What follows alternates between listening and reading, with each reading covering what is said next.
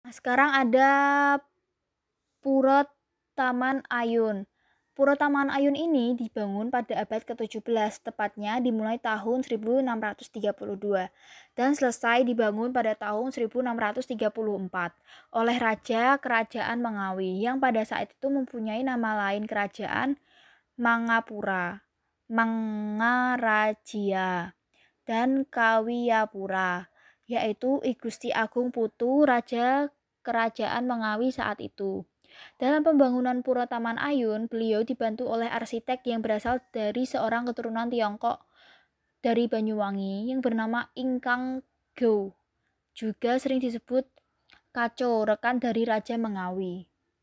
Nah, kalian kalau di Bali sering nggak sih teman-teman uh, berwisata ke pura-pura gitu? Karena kan di Bali kan banyak banget pura-pura teman-teman. Nah, biasanya orang-orang yang ke sana itu foto-foto di pura-pura teman-teman. Nah, kalian suka nggak?